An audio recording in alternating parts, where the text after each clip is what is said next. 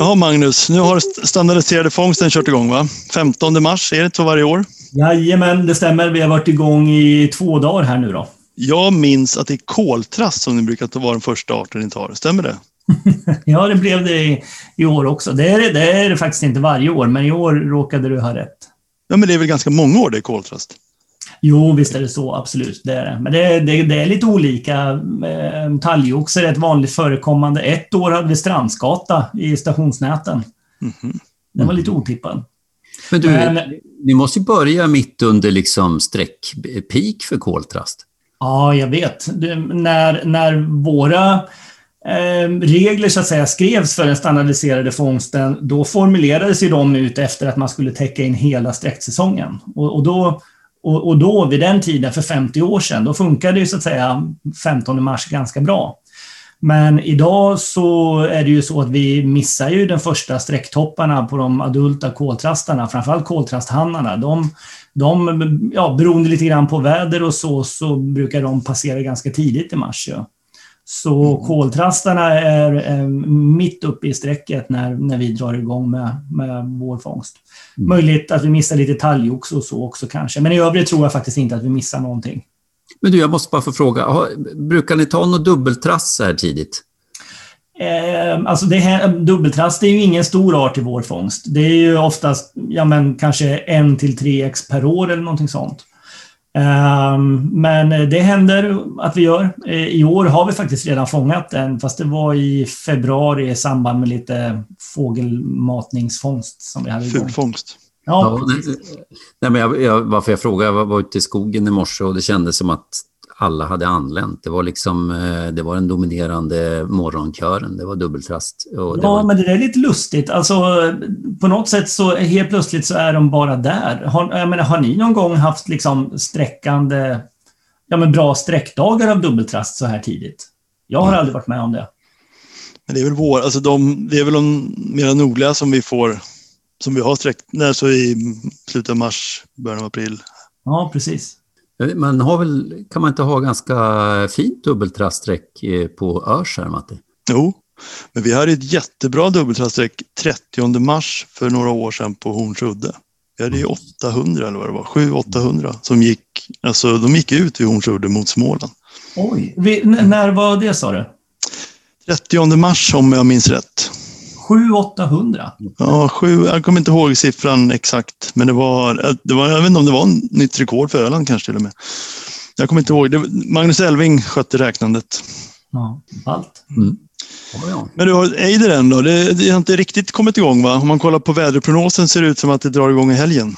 Ja, det ser ut så. Jag såg, ehm, de har ju haft ändå lite i Skåne. Jag såg också i Degerhamn idag 700 stycken. Så det, var, det var väl årets bästa summa på, på, i Kalmarsund i alla fall. Mm. Ja, tittar man på väderprognosen så, så, känns det som att söndag kanske skulle kunna vara start, startskott annars. Mm. Jag har en fråga till er där. Har ni någonsin sett ett foto på en hybrid Eider prakteider från Sverige? Nej, det kan jag säga direkt. Det har jag inte. Jag tror bara att jag har sett från Island och möjligen kanske Norge också. Men i alla fall Island vet jag att jag har sett. Ja, jag, jag kan nog bara säga Island. Eh, mm. Ja, jag frågade, ja, för jag kan inte heller. Så går man in på Artportalen och söker så där nämns ett fynd faktiskt från Ångermanland tror jag. Några år i rad, men det är inga foton med på den. Men den har setts i ja, runt 2010. Mm -hmm. Det kanske finns foton, men det är inga foton som, som jag fick fram på Artportalen i alla fall. Eh, men det är det enda fyndet som jag känner till från Sverige. Jag, frågade, jag skrev, frågade Juho eh, vad han visste om Finland och Baltikum. Han kände inte heller till några fotade, men det finns rapporterade. Men är inte det lite märkligt om man tänker att varje år så kommer det ju, hur många praktejdar är det som kommer upp i Östersjön och drar runt här i, eh, under sommaren, under häcktid? Det måste väl vara, är det 15 säger vi? Ett, ja. När det var som mest så var det väl 30 per, mm. per år? va? Ja, men inte 15 lågt räknat än, alltså även idag. Var det inte, ja. snarare, var det inte snarare 40, kanske 50 tidigare när Idrarna toppade som mest och, och kanske 15, 20 25 nu, mm. eller? Ja, det kanske är det. Men låt säga att det ändå är så många och det är ganska många år som det har, de har snurrat runt här och vi vet ju från Island. Jag kollade, på Island finns det många fynd. Det, finns, det är mer än 40 fynd av hybrider där. Varför blir det inga hybrider här? Ja, jag håller med dig. Men har, har, alltså var, var övervintrar egentligen de, isla, de, de isländska fåglarna? Går de mot Nordsjön som andra ejdrar eller, eller sträcker de snarare sydväst, alltså mot södra Grönland ner mot Kanada? Jag vet inte. Jag funderade på om det är så att, att eh, borealis, den rasen vi har där uppe, är närmare liksom rent genetiskt, att det kan produceras. Det är ändå skumt tycker jag att vi inte har någon fotodokumenterad hybrid från Östersjön. Det kan vara också att det, det förutom det rent, vad ska jag säga, om, om det nu genetiskt ligger närmare varandra, att det kan vara att borealis har vad ska jag säga, en, en, en häckningscykel, en timing, eh, hormonpåslag som sker, vad ska jag säga, mer likartat i tid jämfört med mm. alltså Östersjöfåglarna, att det blir en miss, missmatch i timing eh, i, i häckning. Jag vet inte, det är också bara spekulation. Men kan vi vara överens om att praktejdrarna som kommer upp här, de, de, de stannar också i svenska och finska och baltiska farvatten? De, de, tror ni att de drar upp över tundran? Nej. Nej, det tror jag verkligen inte. Jag tror det är precis som för vanliga ejder, att de allra flesta ejdrarna i Östersjön, det är Östersjöejdrar. Ja. ja, och det är väl, jag vet inte om vi pratade om det tidigare, men det där är nog det där är vanligt. Ja, för den som tittar till exempel i en fågelbok så står det ju att ejdrarna sträcker upp över tundran, våra ejdrar. Alltså de går in i Finska viken och så är det en pil upp över land. Det har man väl kunnat visa nu att det stämmer ju inte.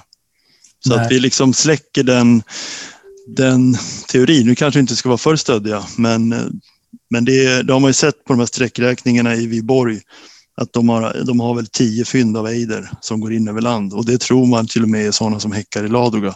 Mm. Så att eh, den, där är några gamla uppgifter på att, de, att, att vi, våra ejdrar som vi ser på sträck här delvis är ryska eller som ska upp på tundran. Det, är, det är alltså, måste vi betrakta som eh, fel. Däremot är det inte omöjligt eh, rent teoretiskt att praktejderna skulle kunna fortsätta E- egentligen. Om man hårdrar det. Okej okay, att, att de skulle frigöra sig, men det låter lite långsökt tycker jag. Ja, sen finns det ju, om än inte att man hittar liksom 15 praktiker varje sommar, men det är ju det finns ju ändå återkommande, jag vet eh, det är många år sedan nu, och det var också i landskapet Ångermanland någon som var där kring Norrbyn i, i norra Ångermanland, Västerbottens län, eh, som återkom flera somrar till ett, ett ställe och över, översomrade där eh, regelbundet. Mm. Så, att, så att det förekommer ju sådana, och det finns ju flera exempel på det. Ja, och eh, alltså flockar med icke-häckande ejdrar, de översomrar väl rätt långt ut i havs i rätt stora ansamlingar så att säga. Och det där det är ju långt ifrån de närmsta tubkobbarna, om man säger så. De måste man ju hitta med båt i sådana fall. Men jag, Mats, jag funderar lite mer på det där du nämnde med de här isländska ejdrarna och, och hybridiseringarna där uppe. Alltså hur vanlig är egentligen borealis i Nordsjöområdet? Jag, kan, jag vet inte. Nej, men är, är den ens regelbunden? Har jag missat något? Du menar alltså boreal, när du säger Nordsjö, du menar i, i Sverige? Nej, jag menar ejdrar på Island. Mm. Hamnar de regelbundet i Nordsjöområdet? Alltså området mellan brittiska öarna och Skandinavien? Det, det vet inte jag. Nej, för jag, jag, jag trodde, eller jag, det här kanske jag får äta upp ordentligt här nu, men jag trodde inte att borealisejdrar gick dit mer än högst undantagsvis. Att, att den, här, den här sträckleden från Island ner mot Europa inte fanns överhuvudtaget. Eh, och, och Men vad har det med den här teorin att göra med, med praktejderna och borealis? Eller vad? Ja, det skulle åtminstone vara en förklaring till varför isländska praktejderhybrider inte hamnar i, i, i vår del av världen. Ja, ja, okej, okay, nu fattar jag. Ja, nej, men det, ja, ja, ja, ja. Det är precis. Det, jag tror att det är mycket som stannar kvar där uppe. Liksom. Men du, eh, en annan sak är ju hur vanlig, alltså om, om det bara handlar om numbers, men det är jag inte säker på heller, för praktejder är väl, det är väl ingen jättevanlig fågel på Island? Nej, den är, Nej. Den är, ju ovanlig. Men, men uppenbarligen de, de fåglar som väl fastnar där ynglar ju av sig i alla fall med jämna mellanrum. Ja, ja, ja. Vilken, eh, vilken spaning Matti. Ja. Mm, praktejderhybrider, det är... Ja. Det är det nya. Det är det nya. Det, ny, det och, och Dresseri, den, alltså, vad tror du om den? Tror ni det blir något fynd av den amerikanska, amerikanska Eider? Det är ju fynd på Irland, har ni sett det? Ja, det är ett fynd, va? eller hur? Ja. ja. Jag, jag vet faktiskt. Det är väl klart att allt, nu för tiden ska man väl aldrig säga aldrig om någonting, men med, med tanke på hur ovanligt det är med borealis-ejdrar hos oss, som ändå finns på ganska nära håll, så, så, så känns det ju rätt långsökt. Men borealis är ju så svår att clincha. Den är kanske vanligare. Den finns väl kanske en del. Jag ja. tror alltså... Ja, det fotas ju och skådas ju ganska frenetiskt på ejdersträcket. Det är nog inte, inte omöjligt att den skulle kunna haka på. Det räcker med att den kommer ner och ligger runt Storbritannien och så hakar den på ejdrarna. Mm. Mm. Jag tänker mer roligt med och mer uppenbart med en vennigra också som faktiskt, jag menar när den ses äh, två år i rad va, på Varanger. Men det är också det enda fyndet va? Eller finns det några andra fynd i VP? Det kanske är det enda. Sen, alltså det känns lite som det här, ja, och det är klart det är säkert få fåglar det rör sig om, den här återkommande tofslunnen nu, vad är det på? Björnöja va? Björnöja, va? precis, ja. söder om Svalbard där. Och så eh, har det setts lite, tror jag också, på, efter Grönlands västkust och så, något annat fint. Alltså om, om det är så att, att vi får mindre is i eh, i liksom den arktiska bassängen och vi också kan förvänta oss mer fynd av, av glasögonejder. Jag vet inte. För det är ju inte så Nordostpassagen öppnar sig. Ja, sen vore det ju kul med något, något, något fotodokumenterat fynd av glasögonejder. Har, ni, har ni sett något? Är, är någon av fåglarna, eh, alltså varangerfåglarna, dokumenterade? Ja, jag minns inte det. Ja, jag har inte sett några i alla fall. Nej. Ja, ja.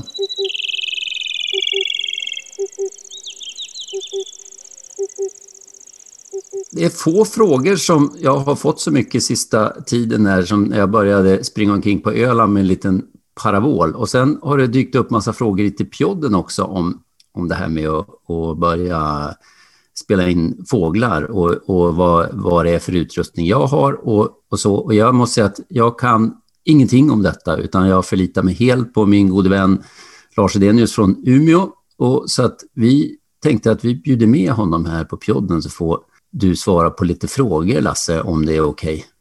Ja, men jättekul. Kul att få vara med.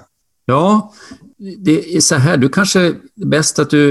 Eh, vi har känt varann i många, många år sedan, sedan Umeå-tiden här och eh, eh, du kanske ska presentera dig själv eh, lite, lite närmare. Mm. Eh, jag heter alltså då Lars Edenius och jag är ursprungligen från Stockholm och började skåda, det måste vara drygt 50 år sedan. Eh, 78, 1978 flyttade jag upp till Umeå i samband med att jag började läsa på Skogshögskolan och sen har jag blivit kvar här då och i stort sett ägnat min tid åt skådning här i norra Sverige eh, sen dess. Och numera är jag pensionär så nu styr jag helt och hållet över min tid. Och jag minns också att du eh, hade ett intensivt fotointresse ett tag och sen så så eh, började du spela in Fågelät och nu så, jag vet inte, men jag antar att du är en av de flitigaste bidragsgivarna till Senokanto från, från Sverige. Och eh, ja, Magnus, den här gingen som vi har i pjodden. Ja, men precis. Det får vi inte glömma bort att berätta att det är ju faktiskt Lars som har spelat in de här sångerna i, i pjoddens jingel. Ja, ni vet, den här lilla ramsan som separerar våra avsnitt och inleder och avslutar och så vidare. Eh, ifrån din jättefina Sibirien-samling där, Lars. Mm. Jag kan bara säga att jag, det stämmer som Jonas berättade, att jag höll på mycket med fotografering, men jag, jag kände att jag kom till en punkt där att jag ville gå och utveckla mig vidare. Och jag har ju ägnat mycket tid åt att skåda fågel i skog och alla som har jobbat mycket i skog vet att de allra flesta bestämningar gör man genom läten. Så jag kollade upp rätt mycket läten, men jag tyckte att det fanns ganska mycket luckor när det gäller inspelningar på Xenocanto, och speciellt då från de nordliga skogarna. Men däremot finns det bilder i, i parti och minut, men just ljudinspelningar var det sämre med. Så det var en viktig drivkraft för mig då när jag satte igång. Och det var ungefär för fyra år sedan som jag började på allvar. Ja, kul. Och, uh, hur, har du något liksom, speciellt mål nu mer än att, att täppa till luckorna i, i Xenocanto eller är det lite allmänt bara sådär? Nej, mitt mål just nu, eller kanske det som jag håller på allra mest med, då, det är att jag vill ha inspelningar på alla regelbundet häckande fågelarter i norra Sverige. Mm.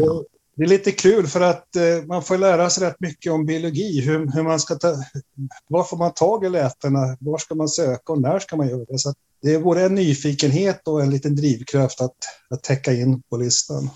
Ja. ja, jag vet. Jag fick ju din inspelning här av Salskrake. Det var ju det, det var fantastiskt. Det var ju liksom ingen skönsång, men det var ju otroligt häftig inspelning och på ett sätt väldigt häftigt lät det också. Och, och vad jag förstår finns inte så mycket inspelningar va, på Salskrake. Nej, det var sån här art som när jag tittade på Xenocanto, vilka inspelningar fanns det då från Sverige i första hand, så såg jag att det fanns ju inspelningar av sångsparv och karminbeätare fanns det inspelningar av. Men inte stjärtand, inte jorduggla, inte salskraka och inte blå kärrök som några exempel. Alltså typiska svenska häckfåglar saknades helt och hållet från Sverige. Mm. Ja. ja jag minns, eh, jag kommer inte ihåg, kan det varit Lasse Svensson som skrev eh, i slutet av 90-talet eller något sånt där, jag för mig att jag jag har någon minne av att jag läste någon formulering att han skulle bjuda på champagne till den som kunde ge honom en sjungande stjärtmes. Kommer ni ihåg det här? Ja, jag kommer ihåg det också. Ja. Har, är, är, är det, har, har, någon av er stött på det någon gång? Nej. Nej. Nej vissa, vissa läten är svåra. Den skumpan ja. är fortfarande opoppad, tror jag. Mm. ja. Du, eh, eh, vad säger du då, eh, Lasse, om man, om, man, om man nu är lite sugen att, att börja, för jag håller helt med, att, att, och inte minst sen när man har varit på resor, att ibland så, så man kommer hem med, höll jag på att säga, 10 000 eller åtminstone tusentals bilder och eh, det jag ångrar så här i efterhand, varför spelar jag inte in mer läten? Det kan vara extremt intressant och det saknas eh, mycket från, eh, framförallt när man vill liksom börja med bestämningsproblem och sådär.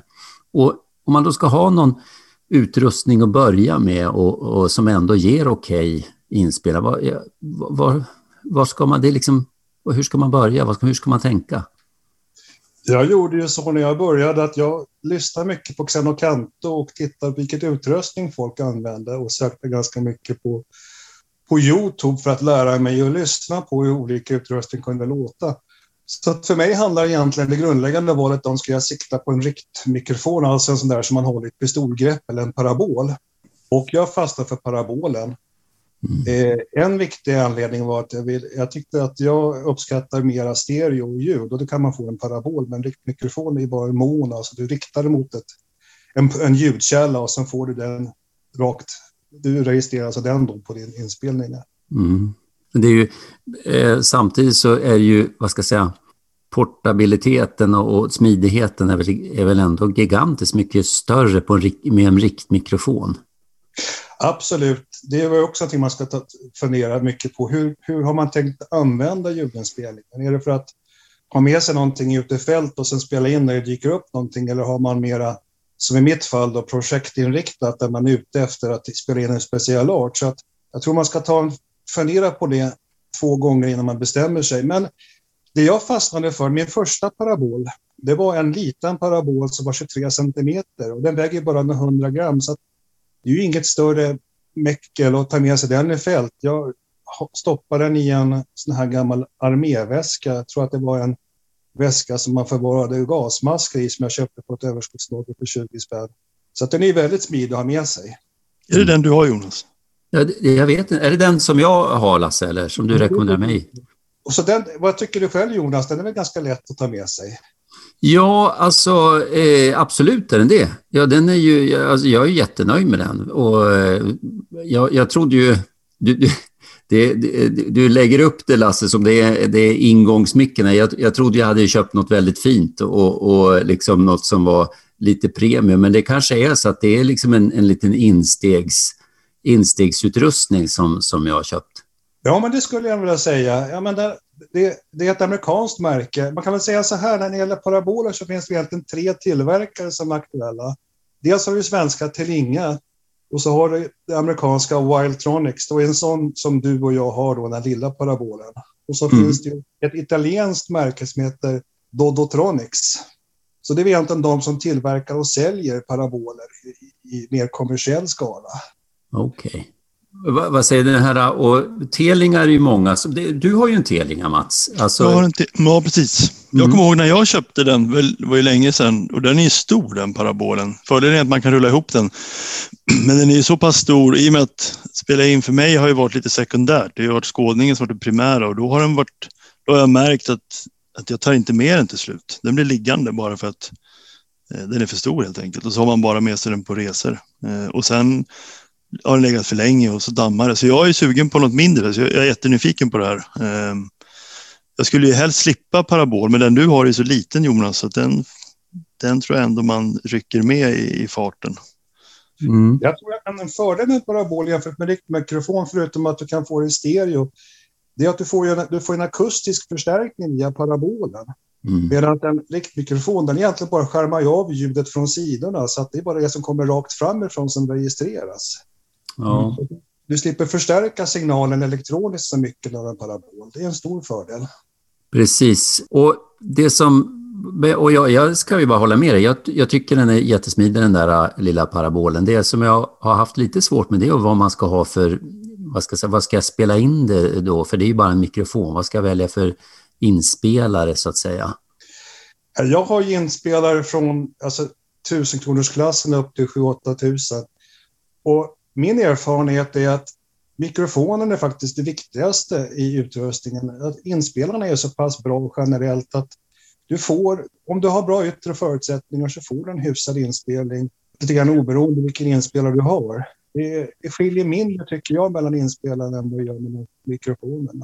Mm. Är det möjligt att använda en telefon som inspelningsmedium eller blir det för dåligt?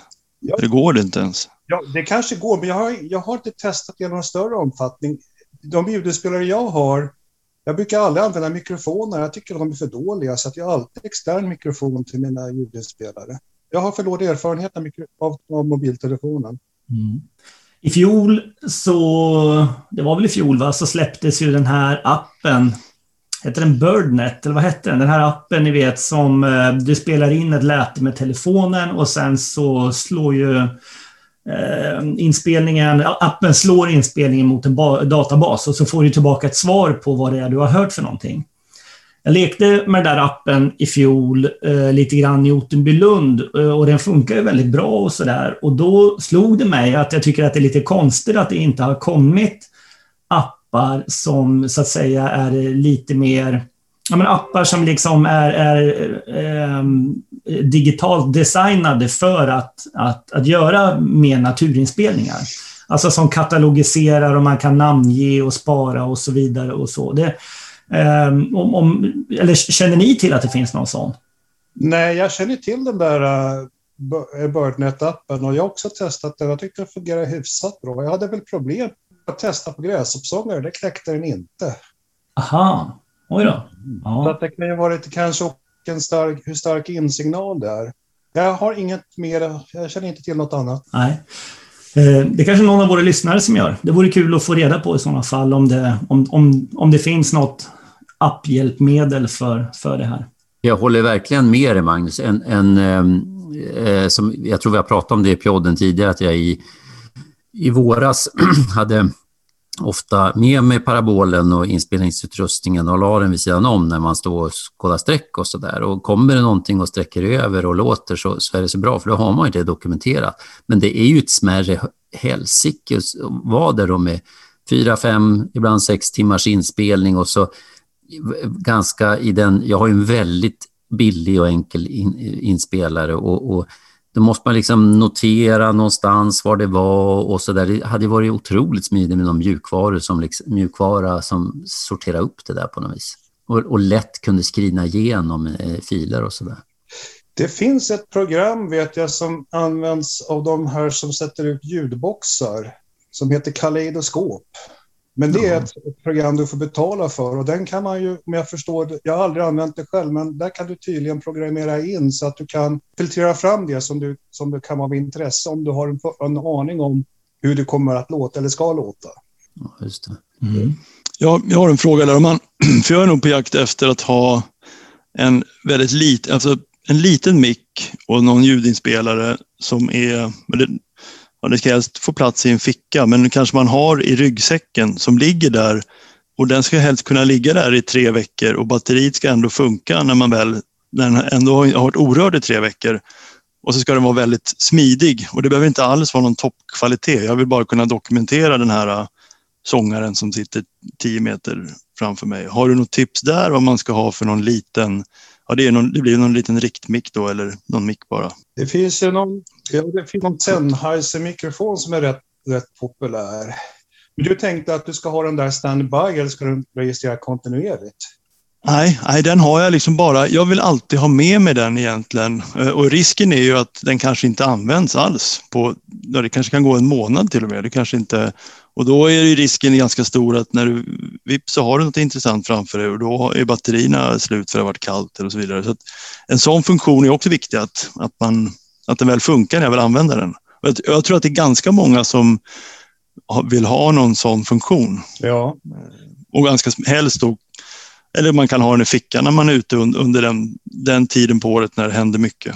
Min erfarenhet av de här små inspelarna är att de drar inte mycket ström alls. Och står, om du inte har den på så, så håller batteriet jättelänge.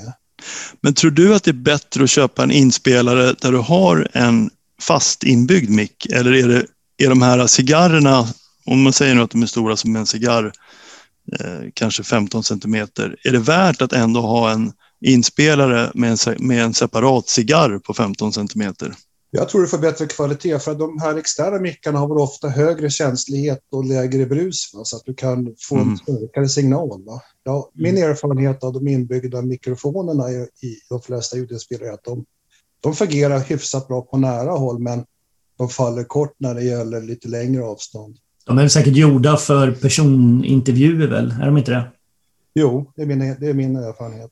Mm. Sen vet jag att den här lilla billiga Zoom-inspelaren, ja, den, den faller direkt på att det är för dålig sån här, vad heter de här, brusreducerade, alltså eh, vamparna, muffarna, mm. som man har på för att, för att det inte ska bli, bli ljud från blåst. Det funkar inte alls. Alltså den är ju inte gjord för att användas utomhus tror jag överhuvudtaget. Så det, det, liksom, det är oanvändbart så fort du har använt den.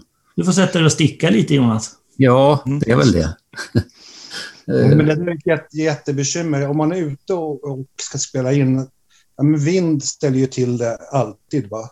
Jag brukar titta på almanackan och se att idag är det lite, lite vind utlovat. Så jag väljer mina dagar när jag är ute för att spela in då speciella arter. Men det är klart, har man med sig sin mikrofon i ljudinspelaren när man är ute och skådar, då får man ju försöka gilla läget och, och, och försöka placera sig så bra i lä som möjligt.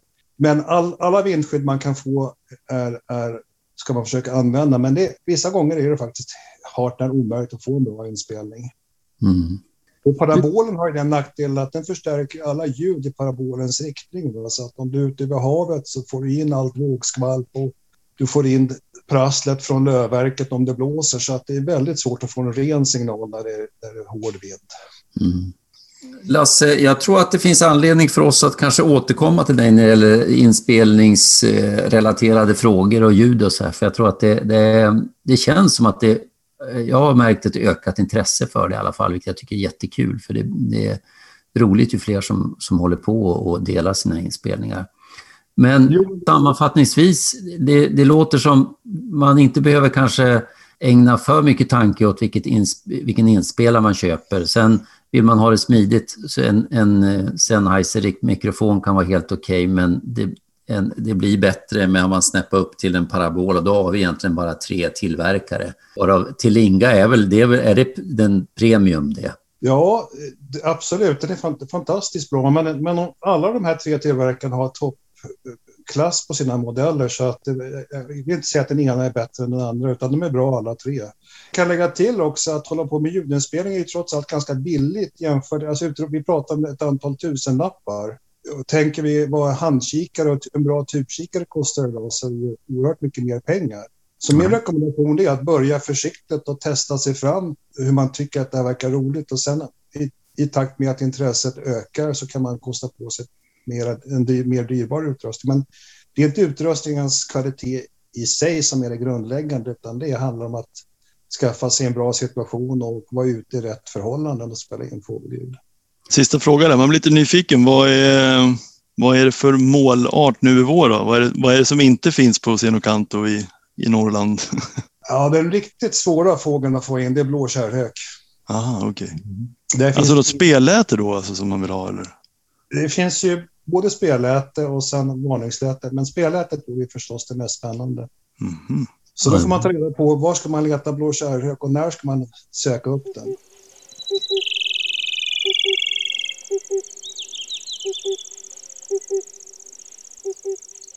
Ja, Jonas, du har varit i Västervik, ostkustens pärla. Ja, du säger det. Ja, nej, men Västervik är en trevlig stad. Jag är där i jobbet ibland, eller ganska regelbundet. Och så mm. passade jag på när jag var där, jag har ju övervintrat en ärtsångare där. Och så tänker jag, får, får ju titta på den där ärtsångaren. Eh, och det kändes som, jag vet inte vad jag ska säga, det, det är ju, ärtsångare kändes och hela den här äh, problematiken kring taxonomin ärtsångare kändes ju superhett för 10-15 år sedan. Och man läste där och det är sådana, äh, inte minst sådana exotisk äh, klingande namn som Jaxarctica och Telenkitica och Halmodendri och sådär. Jag tycker det där var lite lockande. Sen kände, kom jag på mig själv att jag har nog inte läst någonting om det här Eh, komplexet på, ja, nästan tio år i alla fall. Så jag tänkte det var väl eh, liksom lite aktuellt att, att eh, fräscha upp det där.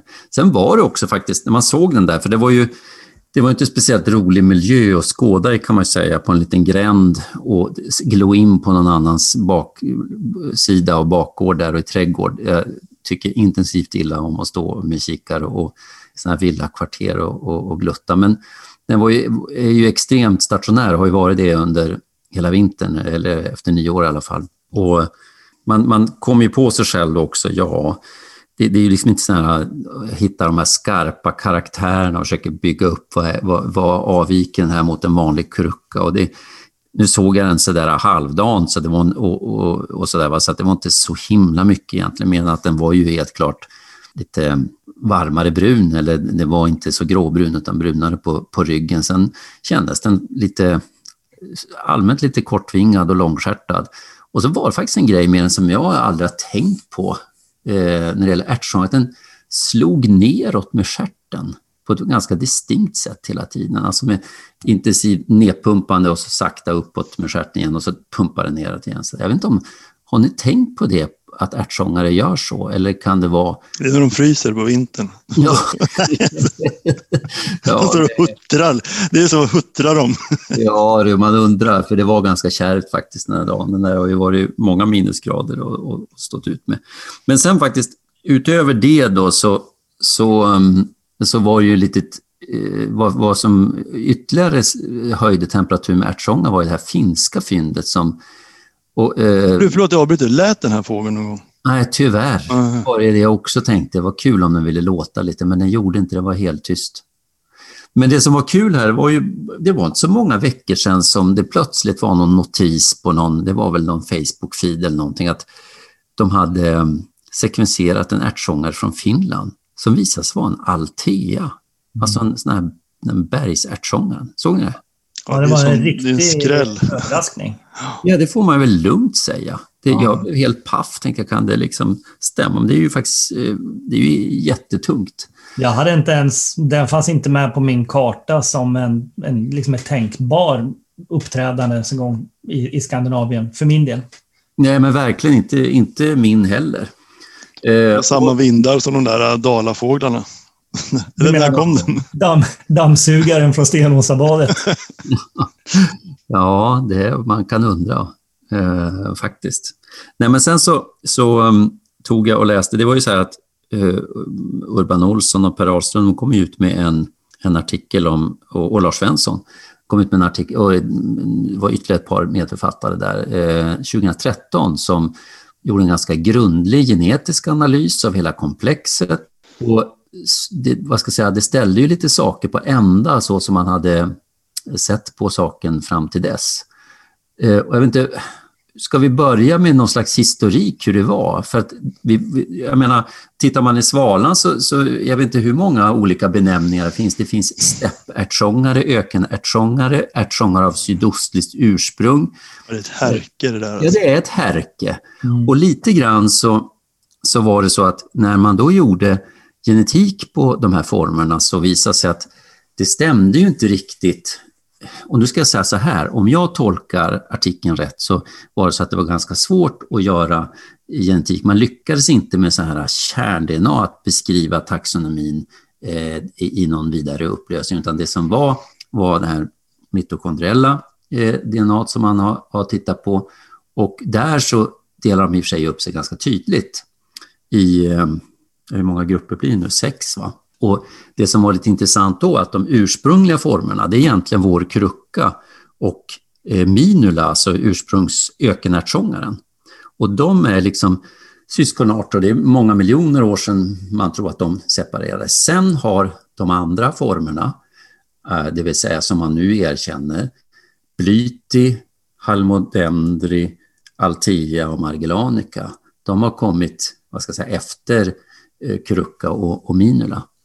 Och det, det som... Det, den, vad ska jag säga, och alla de här skiljer ut sig från varandra så att säga.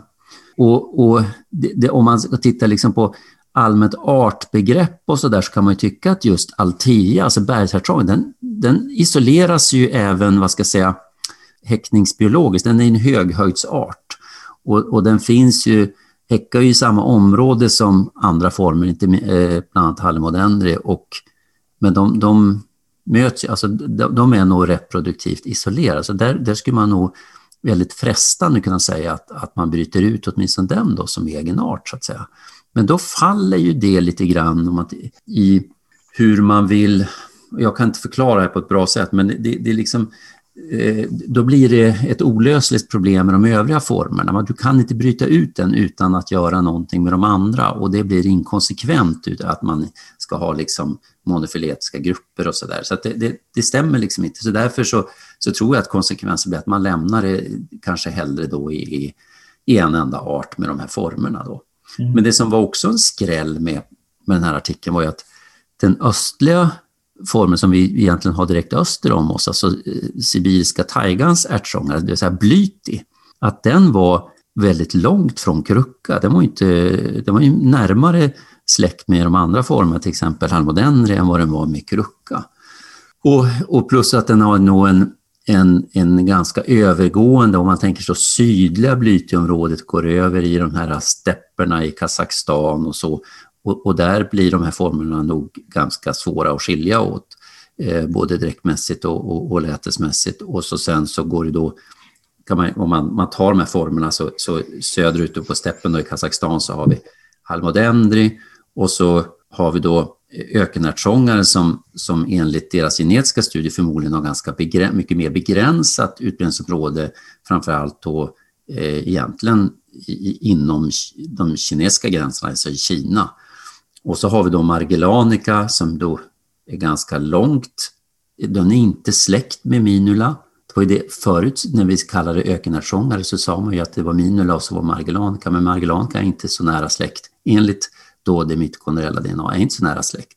Men Margellanica, det är, det, är, det är västra Kina och södra Mongoliet ungefär, va? Eller? Ja, eh, ja, inte bara söder, den går nog ända till östliga Mongoliet. Och det här blir ju en, ett härke, för läser man olika källor nu. Om du läser HB, eh, alltså HVPP, eh, du läser Urbans artikel, Birds of the World, så, så blir man inte klokt. Vad är, om, om, om man säger så här, vad är det för form som finns i, i västra Mongoliet? Mm. Ja, alltså det, då, då är det allt från, ja det kanske möjligen är Blyti som till och med tränger sig ner där. Så har den här då formen telengitica som ju, som ju är beskriven från Altaj, från egentligen Tjujasteppen, alltså i, till och med in i Ryssland, alltså lite norr om, om Mongoliet.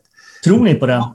Ja, det har man genetiskt äh, har man ju sett att det är Margellanica. Den är synonym. Ja, men jag menar liksom rent allmänt, tycker ni så här, liksom en, en global utbredning på typ fyra kvadratkilometer, tycker ni det känns tryggt? Nej, det är väldigt konstigt det där.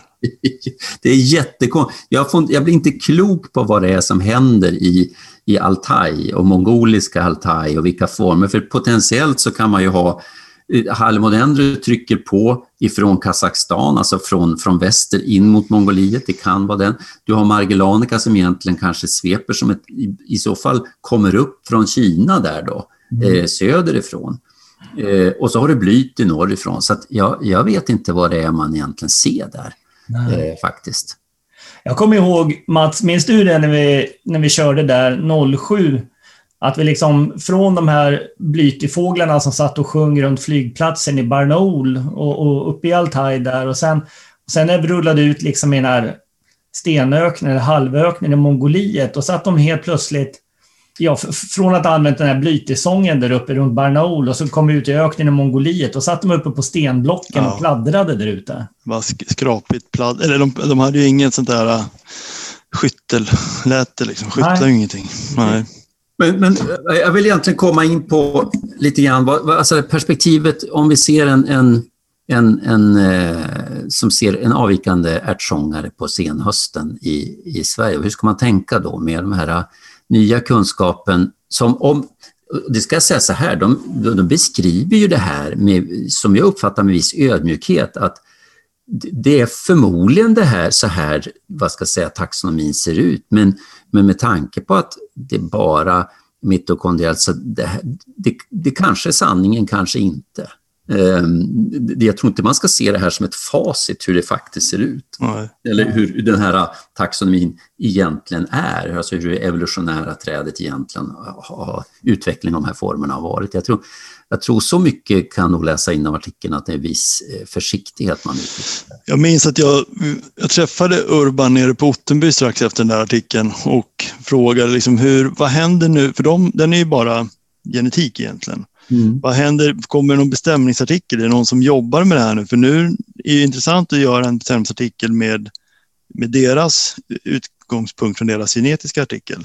Och då sa han att det var några engelsmän som höll på med den och de, höll på, de hade hållit på ett tag. Och det här var ju kanske 2000, vet jag, 15. Vi har väl fortfarande inte sett, förmodligen så stöter man på att det är nog jädrigt komplext att skriva en bra bestämningsartikel och ja, reda ut det här. Alltså. Skämtar du alltså? Och, och, nu innan den här vi ska spela in nu så tittar jag, googlar ju runt lite och, och har ju verkligen inte djuplodat. Men då tycker man, man, ah, men man börjar väl liksom, man, man, man börjar alldeles för snabbt tro att ja, men här kanske jag har liksom hittat något mönster något för, för sig själv. Så att säga. Jag säger inte att man har hittat något nytt utan bara hänga upp det och så börjar man titta på bilder och till slut så känner man, äh, vad fan, det, mm jag slänger in handduken igen. Direkt. Det som jag tycker verkar stökigt det är nu då, i och med att blyt är spännande för att den är ju ganska genetiskt skild från vår, så blir den en spännande form eh, att förhålla sig till. Men den verkar ju vara otroligt variabel. Alltså utseendemässigt så kan den se ut nästan som Hallimodendri. Den kan vara chokladbrun och mörk och den kan se ut som vår. Den har ju, det är ett jätteutbrednings, en jättepopulation med ett jätteutbredningsområde som har samma namn. och Precis det där dit jag skulle komma Mats. Det är det som är, jag tycker är det häftiga nu. Va? För att det man, om man tittar på de här äh, höstärtsångarna hos oss, eller vinterärtsångarna, så är det ju inte, det är liksom, eh, det är halmodendro och blytis som, som man på något vis sneglar. Jag tror vi kan åtminstone teoretiskt glömma minula och, ja. och, och de formerna. För, för, man ska väl säga det att Minela förr, som du sa, hade ett annat utbredningsområde. Nu har man ju tryckt bort den längre åt eh, sydost. Ju. Ja, precis. Ja. Att, och nu i och för sig nu med det här Altea-fyndet så är väl allt möjligt. Ja. Och, och, vi ska nog inte säga, för det, jag ska komma till det också, att, att halmodend är ganska, ganska intressant. För att det finns två klader, alltså genetiska eh, grupp, grupperingar av halmodendri. Och eh, den, den, eh, när man tar då de som är eh, sekvenserade från Kazakstan, den, den till, det är den vanligaste, nu kommer jag inte ihåg om det var typ 2A eller vad det var. Och sen finns det en, som, en annan gruppering där de som är provtagna i Kazakstan där, de har provtagits under flyttperiod, så man törs verkligen inte säga att det är eh, häckrepresentanter. Det finns en som är tagen, men fångad under häckningstid. Och den är fångad från Gansu, alltså inne i Kina, i Gansu, precis där, där Margellanica häckar. Och, där är, och, och vet du, de, det som är intressant då, de halmodendrer som är sekvenserade i Västeuropa, åtminstone i England, vad tror ni det är för några? Jo, det är den här äh, Gansu-formen. Det är inte Kazakstansformen. Va? Japp. Så det är ju liksom, så att, having said that så kan man säga att allt verkar ju vara möjligt här. Och, och så. så det tycker jag, Halmodender är intressant på det på viset att, att den där ena eh, formen vet ju inte riktigt var den häckar heller. Mm. Och, och, och, norra Kina och västra Mongoliet verkar ju vara extremt eh, okänd mark vad gäller eh, ärtsångarformen, måste man säga. Eller, det kanske inte är, jag får inte ihop det i alla fall genom att läsa de här artiklarna. Men det jag ska säga, det är precis som du säger, om vi då tittar på det här Västerviksfyndet, ja men hur ska man då, eh, hur ska man tänka? För, Finns det någon lätesinspelning på den? Är det någon som har hört den? Den i Västervik? Nej, men och, det, och, och, så då kan man ju kontra då, vad skulle det säga om, för, för då har vi ju då lockläte och våran eh, ärtsångare Krukka säger ju liksom täck och så har vi det här blåmessmattret eller vad vi ska säga, eller här snabba tjattrandet eller mm. talgoxe eller blåmesvarnande. Eh, och det förefaller ju finnas både hos Blytios och Almodendri. Alltså det finns hos Blytro, det, var det som var min fråga. För det ställer ja, till det.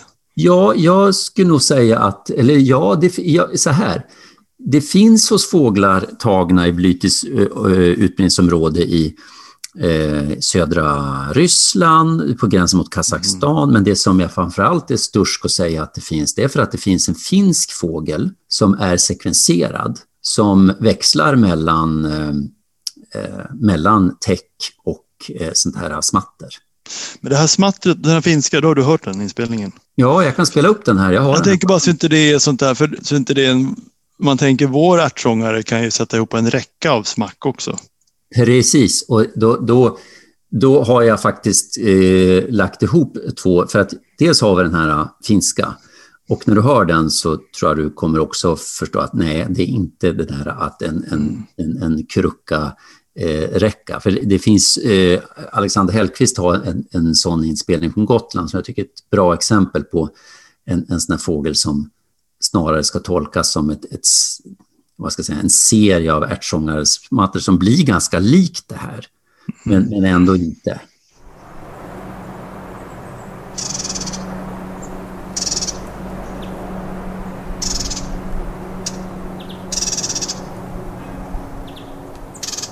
Det där är ju ingen snabb räcka av tecken. Nej, det, var, det, är, det är lite fräsande kvalitet i det. Mm. Och det är Finland? Det är Finland och den är sekvenserad som en Belyti. Oj, ja. Och, och hur ser den ut? Är den chokladbrun eller är den ljus? Eller är den liksom... Eh, ja, den har inte jag bild på. Den mm. finns säkert bild på. Och så, va? Sen kan man säga så här. Jag tänkte jag skulle bara visa två, eh, ett par bilder för er. En, en eh, sån där fågel den hade man ju huggit direkt på. Vad skulle du säga om den här? Skulle, skulle det kittla? Om, om det, nu pratar vi om det här skulle vara, ja, det spelar egentligen ingen roll vilken årstid eller någonting, men eh, skulle ni hugga på den här? Nej, den, hade inte, den hade inte kittlat någonstans hos mig, kan jag säga. Eh, jag ska, vänta, jag ska få se en till bara. Vänta. Om vi då visar den här bilden. Här kittlar det lite mer, va? Ja, det där är Det gör det. Då är det, ju, det är ju två, och du har redan varit inne på det Mats, det är två stycken. Eh, det, det första ni såg, det är en, en blyti som jag har fotat från Ulagan-platån i, i eh, ryska Altaj. Mm. Och det ni ser här, det är en eh, sekvenserad blyti fångad på hösten i Danmark. Men det är där man undrar, man undrar om det är något, någonting som stämmer här verkligen. Alltså det kanske är så att blyti, hela blyti populationen är, finns det delar i som är mer komplext, som man inte har utrett. Rim, ja, rimligen är det ju så. För precis som du säger, det här blir man ju inte klok på. Och det som också man inte blir klok på, det är att en sån här fågel, alltså hur, mm. hur skiljer du både i fält och i handen en, en sån här en extremblyt ifrån en hallemodendri. Jag kan inte nej, detta och jag har inte... Nej. nej, men det där är... Mm. Nej, det där är ju... Men man undrar ju, kan man förlita sig på alla de här äh, analyserna då? Alltså vi är ju helt i händerna på det.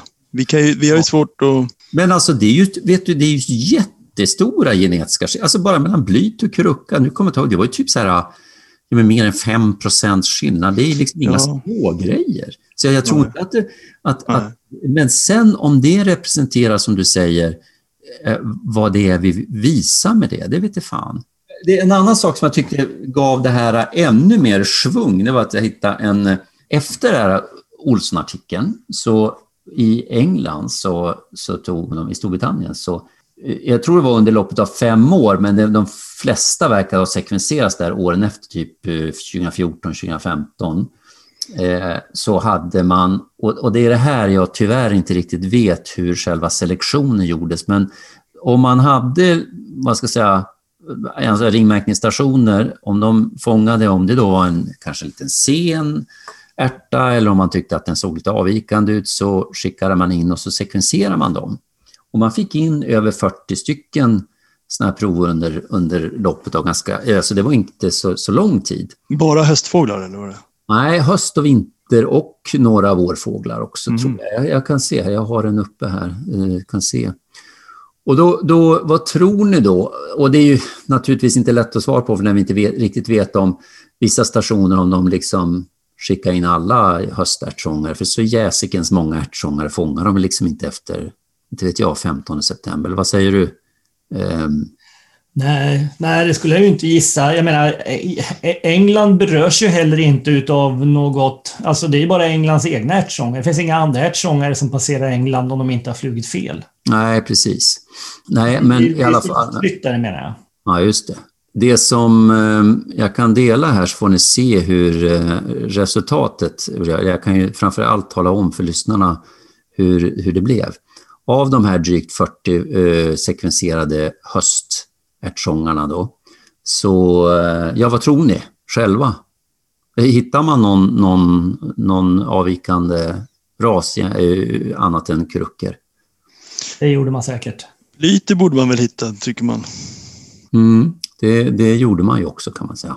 Blyte var alltså dominerande. Det var fler blyte än krukka i materialet. Eh, så man hittade alltså sex halmodendri och ungefär 20 blyte och 12 krukka bland de här fåglarna. Oj, oj, oj. oj, oj, oj. men, det, det, det, men det är ju som du säger Jonas, man skulle ju verkligen vilja... Man, man skulle vilja veta hur selektionen såg ut här. Absolut skulle man ju vilja veta det. Samtidigt kan man ju säga så här, det är någon, någon mm. direkt fruktansvärd ovanlighet handlar det ju inte om. När man tittar här, liksom, vissa här Verki, eller vad det heter, Shetland. Ja, en 22 september 13, en 24 september 13, en 25 september 13. Alltså, förstår du? Det, det, det, är liksom, ja, det är en blyte om dagen där. Så jädra ovanliga tycks de ju inte vara. Nej. Vi berörs ju av de här fåglarna, eller åtminstone Storbritannien berörs ju av de här fåglarna på, på substantiellt sätt. Sen kan man säga att av de ärtsångare som de sekvenserade från, som man hade eh, fångat på vintern, så var det inte en enda krucka. Mm. Hörrni, en annan liten grej gällande Blyte. För visst var det så att i eh, gamla Sylvia-guiden som kom där runt 2000, visst trollade de bort Blyte där och synonymiserade den med Koruka, va? Ja, det var precis. Den försvann i några år. Den, den var, ja, den var, den, liksom, den var borta helt och sen så kommer den tillbaka med en skräll här nu och ställer till det. Ja.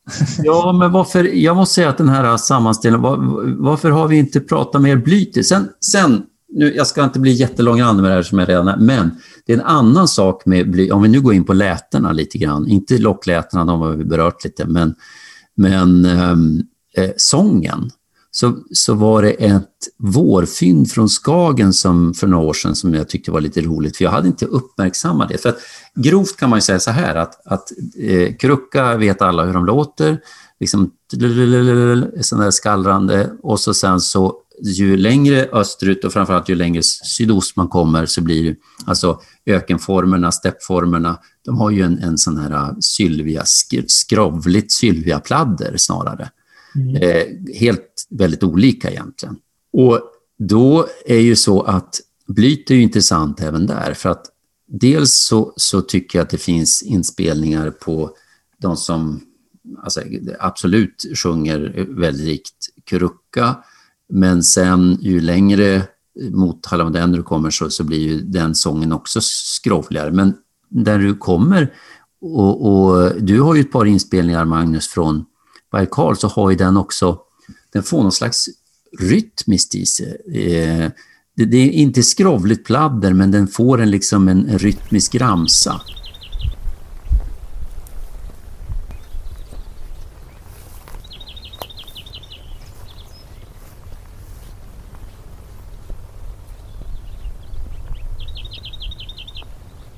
Och så sen så finns den där eh, hänvisningen från Skagenfågel som ju låter ju väldigt mycket som en, en, en som man kan tänka sig en blyte ska låta. Och det finns fler sibiriska inspelningar från, jag vet inte var det är, liksom någonstans söder om Jamal så finns det en hel, en, ganska många inspelningar på sin kant och de har ju också det här eh, rytmiska i sig. Och eh, är det, hur, hur pass valit är det här? Kan man, kan man känna sig, är det hett om man ska höra den här sången? Kan man vara så hett att, att det här är, det är som att höra en, en sjungande tristisgransångare på våren, då känner jag mig 100% säker att det är en tristisgransångare. Kan jag känna mig 100% säker att det här är en blyte? Eller förekommer den här hos våra gransångare? Jag tänkte att vi skulle kunna spela upp den där också. Så våra ärtsångare. Ja, ärtsångare, förlåt. Ja. Då kan vi spela upp den då.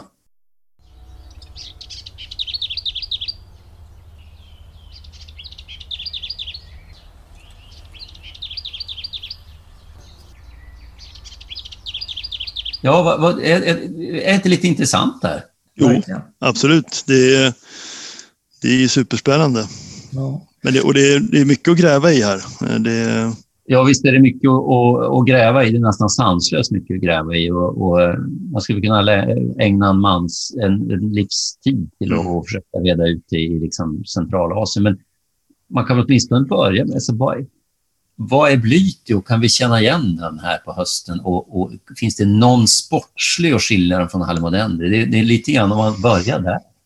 Mm. Ja, det, det, låter ju, det låter ju inte så när du visar den där ljusa fågeln och det lätet som du beskriver. Eh, jag har ju faktiskt en, vi gjorde en resa 2012 till södra Kazakstan på hösten och då hade vi ju eh, när vi var runt Tienshan en vecka först och där hade vi mycket rastande eh, som vi, då, vi kallar dem blyti. De smackade, det som var slående var att de var inte så ljusa men de var väldigt bruna, alltså chokladbruna.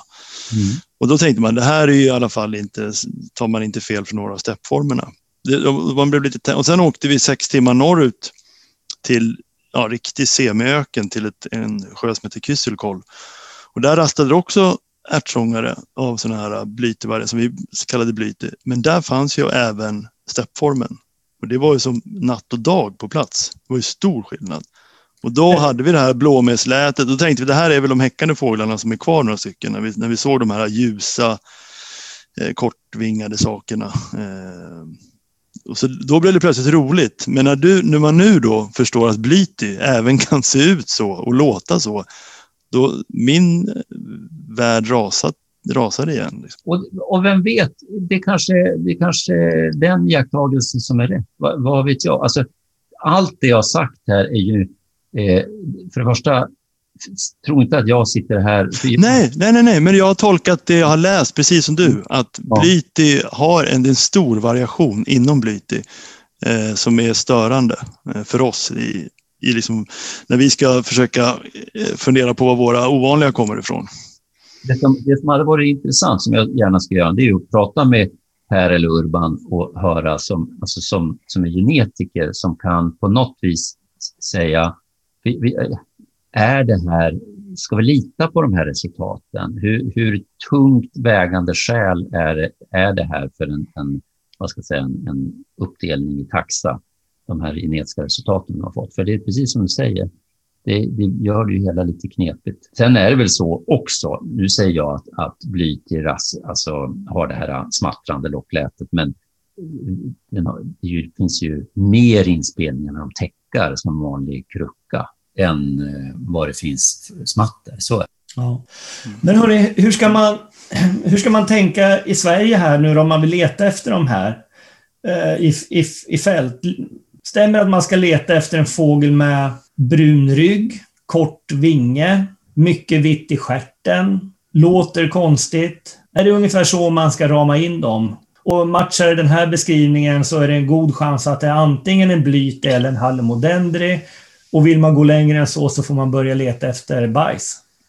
Ja, det där med brunt är lite svårt att ta. För att brunt, när jag tänker på det jag beskrev nyss som, som brunt, då är det, liksom, det är ganska chokladbrunt. Sen kan det ju någonting vara ljusbrunt med mycket grått i som de här äh, hallemodendrifåglarna eller som den här äh, så det är svårt det här med, jag tycker det är svårt när man pratar den där nyansen på ryggen. Eh, när man, eller hur man använder ordet brunt det är lite stökigt. Mm. Men jag håller, jag håller med dig, eh, Magnus, att, att det är ju det är nästan hopplöst när man tittar på bilder, för bilder på samma fågel från olika perspektivvinklar, det, det, man, man blir ju matt. Men det är ju ändå, när man säger, om vi säger brunt, när du pratar om, du, om du säger bruna vad ska jag säga, blytefåglar i, i, som du såg Mats, så menar väl du att det, det, är, en, det är mer rött i ryggfärgen än hos en kurucka. Ja, men, det, ja, precis. Det, men det är liksom inte eh, sandbaff eh, som Nej, precis. hos en Det stämmer. Mm. Så egentligen letar man både riktigt br alltså bruna med rödstick och ljust gråbruna baffåglar. Det är, det, är då, det är då man ska... Men nu ska man även hugga på de som är mörkt grå också, i och med att du kan få Altea. Ja, precis.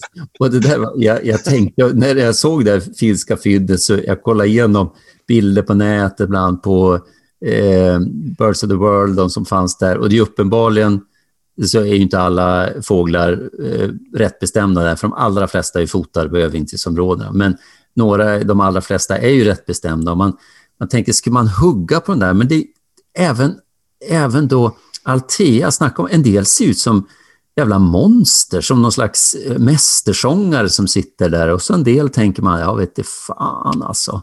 Eh, men men eh, inte helt rätt. Och den här finska fågeln, jag, jag har bara sett ganska en liten halvsunkig bild på den. Det var väl inte sådär, jag, jag, vet ni om de ens misstänkte Altea på den? Jag kan ingenting, Nej, kan om, ingenting om det. Nej, det hade varit kul att höra i alla fall. Ja, men om vi ska knyta ihop där vi började så tror jag i alla fall att Magnus Kasselstrand har samlat bajs från fågeln i Västervik. Så det finns nog god chans att få ett facit på den också så småningom här då. Vad, vad tippar ni på? Ni har sett bilder på den eller? Jag tyckte den var klockren blytig. Ja, ja. Nu pratar vi mellan 90 hörni.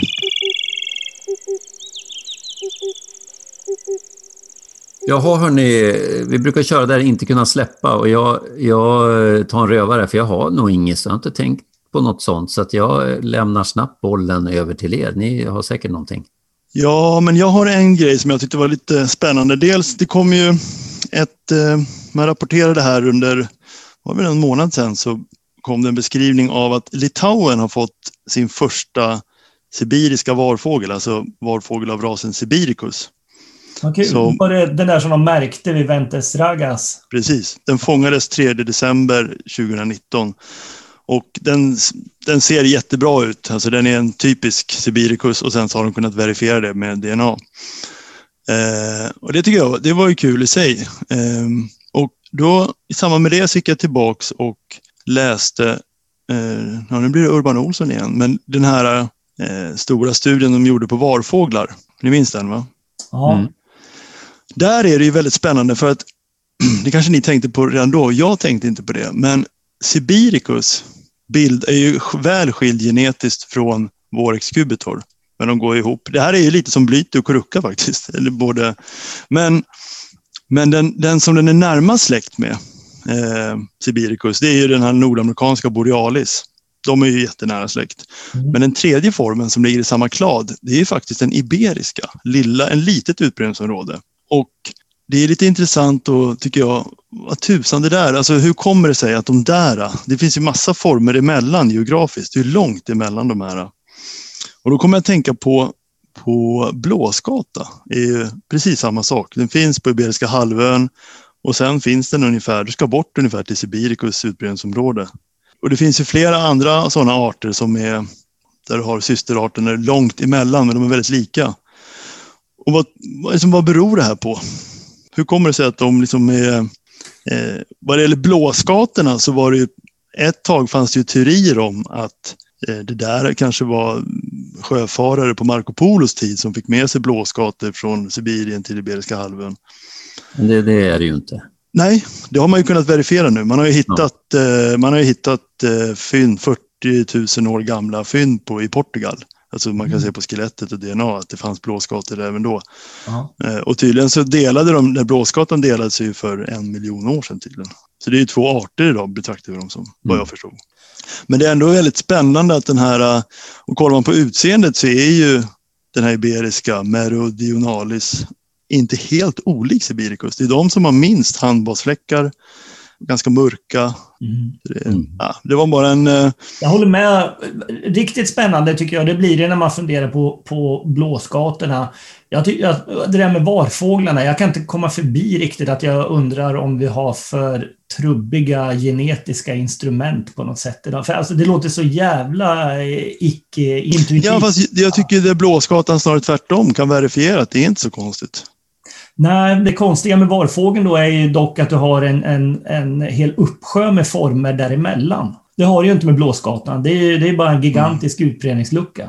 Mm. Jag kan hålla med. Och jag, alltså, det var det jag sa, att det skulle vara så himla kul att prata med de som kan det här om det är så att de genetiska studier man hade för att komma närmare i, i taxonomiska spörsmål, det man gjorde för, för 10-15 år sedan eh, där man hade mer begränsade möjligheter till helgenomsekvensering. Är det, är det så att, var det sanningen eller kan man, behövs det revideras en del? Alltså, det skulle vara kul att få någon som kan det här, deras syn på det så att säga.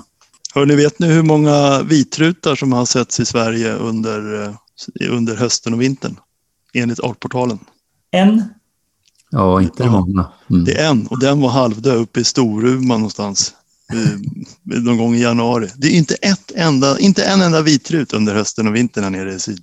Oj, oj. Är inte det anmärkningsvärt? Jo. Ja, det är det. Stackars Marcus Tallroth, tänker jag. Vadå då? Ja, men han har ju aldrig sett den på Öland. Jaha. Ja, jag har sett den på Norra Udden. Det kanske svider lite. Och där fick han två. Först en, sen fick han liksom även backhand tillbaks. Ja. Liksom. det är bra. Det är bara uppercutten som saknas nu. Ja. ja, har du Magnus, har du någonting som du inte kan släppa? Ja, eh, ja, men jag har en grej som, eh, ni kanske kände till det här, men, men jag fick lära mig nytt i alla fall under, under hösten och vintern. Ehm, ja, men vi pratade ju om Mongoliet här innan och, och, och, och eh, ni vet ju, vid besök där borta så, så ser man ju, eller åtminstone letar efter bandhavsörnar. Bandhavsörn finns ju i Mongoliet och det, även om jag lyckas missa dem så, så de flesta skådaturer som eh, görs där borta så, så ser man ju bandhavsörnar. Uh, och jag har funderat på när jag var där, vart någonstans de häckar egentligen. För det, liksom, det finns ju inga träd överhuvudtaget. Och häckar de ute på öar i de här sjöarna då, alltså på backen? Eller var, är det klippbranter? Eller var, var, vart finns de egentligen, de här bandhavsörnarna? Ja, men sen så sitter jag i en liten en, en, en, liten grupp som eh, ska dra igång lite eh, telemetristudier då på, på bandhavsörnar borta i Mongoliet och så. Jag har suttit i Zoom-möten med dem och jag har eh, fått lära mig nu, vilket jag blev väldigt förvånad över, att de häckar inte överhuvudtaget i Mongoliet utan de häckar på vintrarna i Bangladesh. Så de, de flyger alltså norrut över sommaren för att översomra i Mongoliet. Sen under senhösten så drar de söderut ner till Bangladesh igen, till våtmarkerna och sen påbörjar de häckningen under vintern där. Det är ju coolt. coolt. Ja. Eh, jag, ja, jag tänkte inte, men jag har ju sett de där äh, tracksen som, jag vet Jonas Wallenström är med i, i äh, och har de där och, och det är ja. ju jätteläckert att se dem där när de bara drar rakt norrut och så finner sig liksom på den där klassisk mongolisk slasher, men jag har inte tänkt på, precis som du säger, att det är ju, de fångar ju naturligtvis bo i Bangladesh, det visste jag ju, men jag tänkte inte ens den tanken. Nej. De har lyckats eh, fånga översomrande, icke-häckande bandhavsörnar också och satt sändare på dem. Batmunk och gänget. Jaha, vad ja. häftigt. Men eh, ja, som Batmunk sa, det, man, man får ju inte ha bråttom. Det tar ju ett par veckor per örn kanske, eller något sånt där, och följa den och, och liksom eh, lära sig banor och, och, och rörelsebanor och sådana saker för dem. Sen, eh, men sen lyckas de tydligen. Alltså de, de följer en örn i två veckor för att lära sig att överlista och fånga den? Och sen så jobbar de med någon slags snaror eller något sånt där. Och så... Ja, jädrar. Ja, det är häftigt. Ja, hörni, men det kanske var... Det var väl allt för idag, eller? Ja, det blev ja. ganska mycket. Ja. ja. Visste ni för övrigt att eh, namnet Koruka kommer efter ett obsolet svenskt namn på ärtsångaren som förr kallades för Kruka? Va?